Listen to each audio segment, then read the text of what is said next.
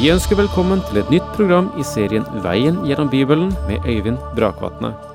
Denne studieserien er produsert av P7 Kristen Riksradio og bygger på serien Through the Bible av Vernon McGee.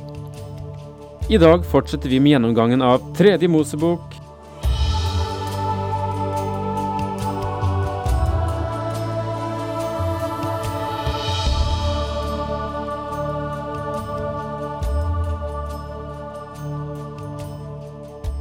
Så er vi tilbake igjen, et godt stykke ut i Tredje Mosebok. Mange synes vel at denne boken er en liten ørken, men for meg er den full av oaser. Og jo mer jeg lærer Skriften å kjenne, jo gladere blir jeg for de opplysningene som også gis her, som har så mye å si også for min forståelse av en hel del av det nytestamentlige stoffet. Det beriker bibellesningen, og det håper jeg at eh, det vil gjøre for deg også etter hvert som vi nå går igjennom. Vi eh, befinner oss midt i eh, jødefolkets spiseseddel, for her i kapittel 11 foreskrives hvilken diett Guds folk skulle ha, og urene og rene dyr, og hvordan de skulle forholde seg om de kom i berøring med urene dyr, osv. Og, eh, jeg sa sist at det er veldig viktig at vi kan skille ut det som er rent og urent, også i den tid vi lever i. Vi har ingen eh, på nytestamentlig mark eh, noen forskrifter av særlig karakter. Vi vil komme tilbake til noe, men ikke av særlig omfang i Det nye testamentet. Eh, vi får fritt ta til oss av den næring som vi har. Apostelgjerningene annet viser oss visse ting, men det vil vi komme til når vi kommer dit en gang lenger frem i her. Men eh, vi eh, må lære, til, lære oss til, i, i, andre forhold også, å skille mellom det som er godt og ondt, det som er rent og urent, det som er sant og usant. Skille mellom lys og mørke. Ja, det er eh, vesentlig både for oss selv, det er vesentlig for den utvikling som foregår i oss, og eh, det vi har å overføre til våre barn eller til våre omgivelser. Så dette med mat er bare én side, men eh, det er også en del av det å oppøve oss i å være selektive. Vel, vi går videre i denne diettlisten, og sist eh, talte vi litt om rene og urene dyr som vi finner dem på land. Og dette kapittelet er egentlig strengt logisk oppbygges, oppbygget, så nå går vi i vannet. Hvis vi nå går til det niende vers i Tredje Mosebok kapittel 11, så kommer vi nemlig til sjødyr. Og her er det også det samme skillet mellom rene og urene dyr. Og så står det slik, dette kan dere spise av alt som lever i vannet, alt som lever i vannet, enten det er i havet eller i elver, og som har finner og skjell, kan dere spise. Men alt som finnes i havet og elvene, alt som myldrer i vannet, alt som lever der og ikke har finner og skjell, det skal være en styggedom for dere. En styggedom skal de, de være for dere, kjøttet av dem skal dere ikke spise, og deres døde kropp skal dere ha avsky for. Alt i vannet som ikke har finner og skjell, skal være en styggedom for dere. Også her trekkes det en skarp grense på samme måte som mellom dyrene på land. Den rene fisken ble karakterisert av to synlige tegn, finner og skjell, for å være rene. Denne regelen gjaldt både salt- og ferskvannsfisk. Krypende skapninger i vannet var det forbud mot, noe som eliminerer en ganske stor del av all skapningen i vann. Det gis ingen eksempler, antagelig fordi grensen var helt klar. Israel var avhengig av tilgang av fisk fra Middelhavet, Galileasjøen og Jordanelven. Fisk spilte en vesentlig rolle i folkets matforråd. En av portene inn til Jerusalem ble kalt Fiskeporten. Det var gjennom denne at fisken fra Middelhavet ble ført inn i byen, og det er interessant å merke seg at dette var et problem under Nehemjas tid. Fiskerne førte da inn fisken sin på sabbatsdagen. Du kan lese om det i Nehemjas bok. Den viktige rolle som fiske spilte i den perioden den Herre Jesus Kristus hadde jordiske, sin jordiske tjeneste, er velkjent for alle som leser sitt Nytestamente. De første disiplene Herren kalte, var fiskere, og det ble sagt dem at de skulle bli menneskefiskere. Jesus fortalte lignelsen om himlenes rike som var likt en not som ble kastet i havet og fanget god og dårlig fisk, som det står om i Matteus 13, vers 47-50. Hvilken metode hadde man for å skille god fisk fra dårlig fisk? Ja, det var ikke spørsmål om fisken var stor eller liten, men om den fylte den levittiske lov. En fisk som har både finner og skjell, er ren eller god. Nå, hvordan forholder dette seg til godt og ondt blant de rettferdige? Vel, den troende er en som drives av Den hellige ånd, og som er kledd i Kristi rettferdighet. Dette er de to identifikasjonstegnene. Det er finnene og skjellene, eh, hvis du vil si det slik. Og så kommer vi til eh, det som flyr i luften, nemlig rene og urene flyvende skapninger. Dette er de fuglene dere skal ha avsky for. Dere må ikke spise dem, for de er en styggedom. Ørnen, lammegribben og svartgribben, glenten og alle slags falker, alle slags ravner, strutsen, uglen, måken og alle slags hauker, kattuglen og skarven og hubroen, sløruglen, pelikanen og åtselgribben, storken og alle slags hegrer, hærfugler og flaggermusen. Når det gjelder fuglene, så er det ingen synlige merker på dem som atskiller dem slik det er for fisk og landdyr.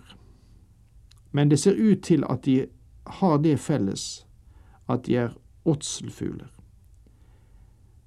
For de flestes vedkommende henter de sin føde fra døde dyr, fisk eller andre fugler. Vi får deretter en liste over urene dyr i datidens Palestina. Dette er enda et poeng som åpenbarer at det mosaiske system var beregnet på nasjonen Israel, og også for landet Palestina. Noen av disse fuglene virker fremmede på oss. De høres ikke engang appetittvekkende ut. De er urene fugler på grunn av sine matvaner. Men husk at noen folkegrupper eter noen av disse fuglene i dag. Jeg kan ikke si at jeg ville like å ha noen av dem på menyen, men enten du eter dem eller ikke eter dem, så betyr det ingenting. Kjøtt vil ikke spille noen rolle for vårt forhold til Gud. Poenget er at dette var en lærdom for Israel til å gjøre et skille, og de måtte ta en avgjørelse på hva som var rent og urent. Leksen for oss i dag er at vi må ta avgjørelser når det gjelder vårt handlingsmønster og vår bekjennelse. Vi må bestemme oss for om vi vil akseptere Kristus eller ikke, enten vi skal studere Guds ord eller ikke enten vi skal gå gjennom livet på en måte som behager Gud, eller ikke. Dette er den tillempning vi må gjøre av dette ordet på oss selv i dag. Denne delen kaster noe lys over Elias' erfaring. Han ble matet av ravner, som er urene fugler, egentlig. Elias spiste ikke ravnene, men de førte mat til ham. Dette var en ydmykende erfaring for denne gudsmannen som adlød Gud i hver minste detalj.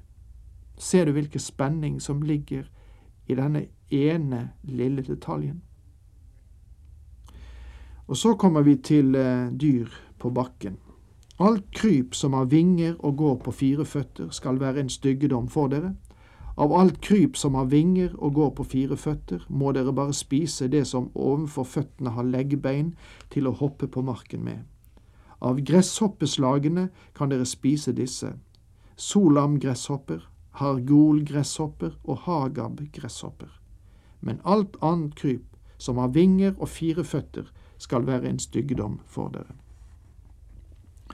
Vel, mine venner, dere kan stryke alt dette av menylisten, men vi må legge merke til at noen av dem betraktes som rene. Det gjelder primært visse typer gresshopper.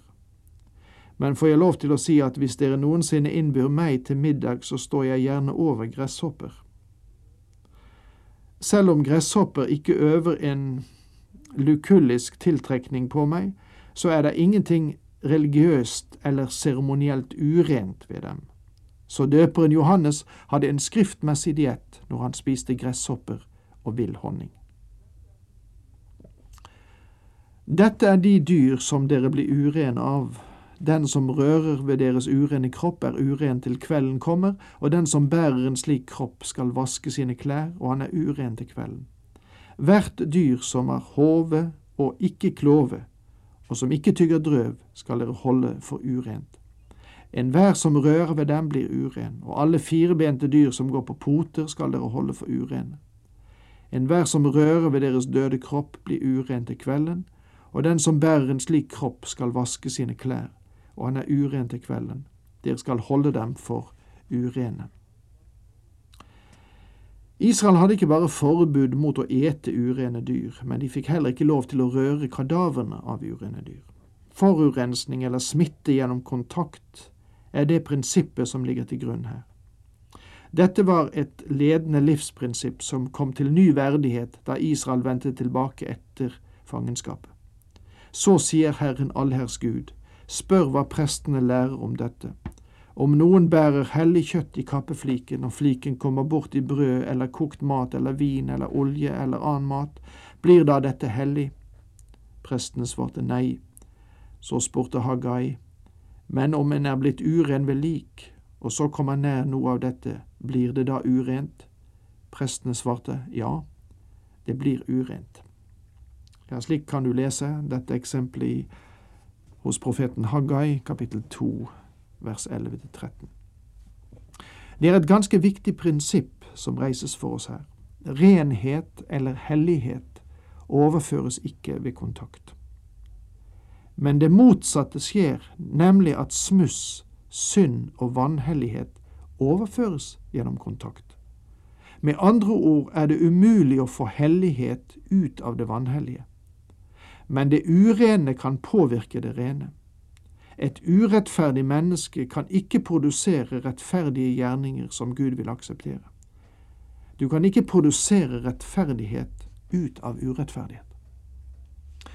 Dette prinsippet fremstår som en lov på ethvert livsområde og i alle lag av samfunnet.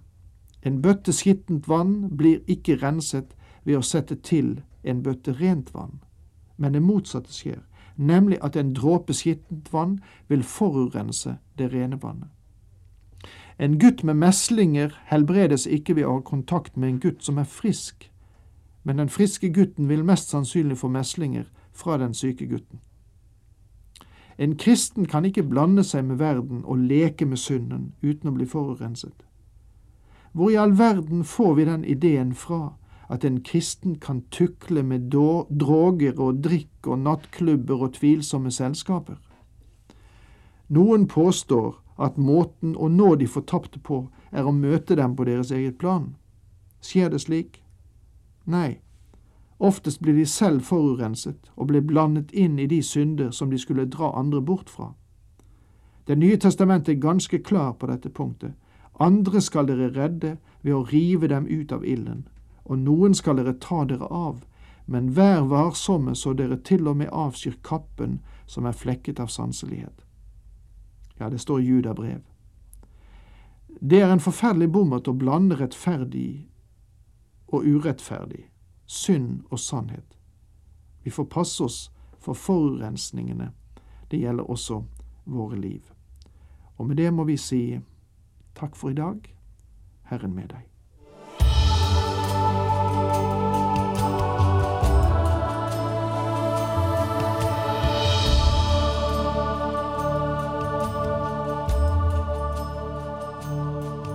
Du hørte Øyvind Brakvatne i studieserien Veien gjennom Bibelen.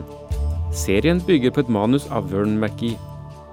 Har du spørsmål eller kommentarer til programmet, kan du sende en e-post til vgb krøllalfa p7.no. Takk for i dag, og på gjenhør.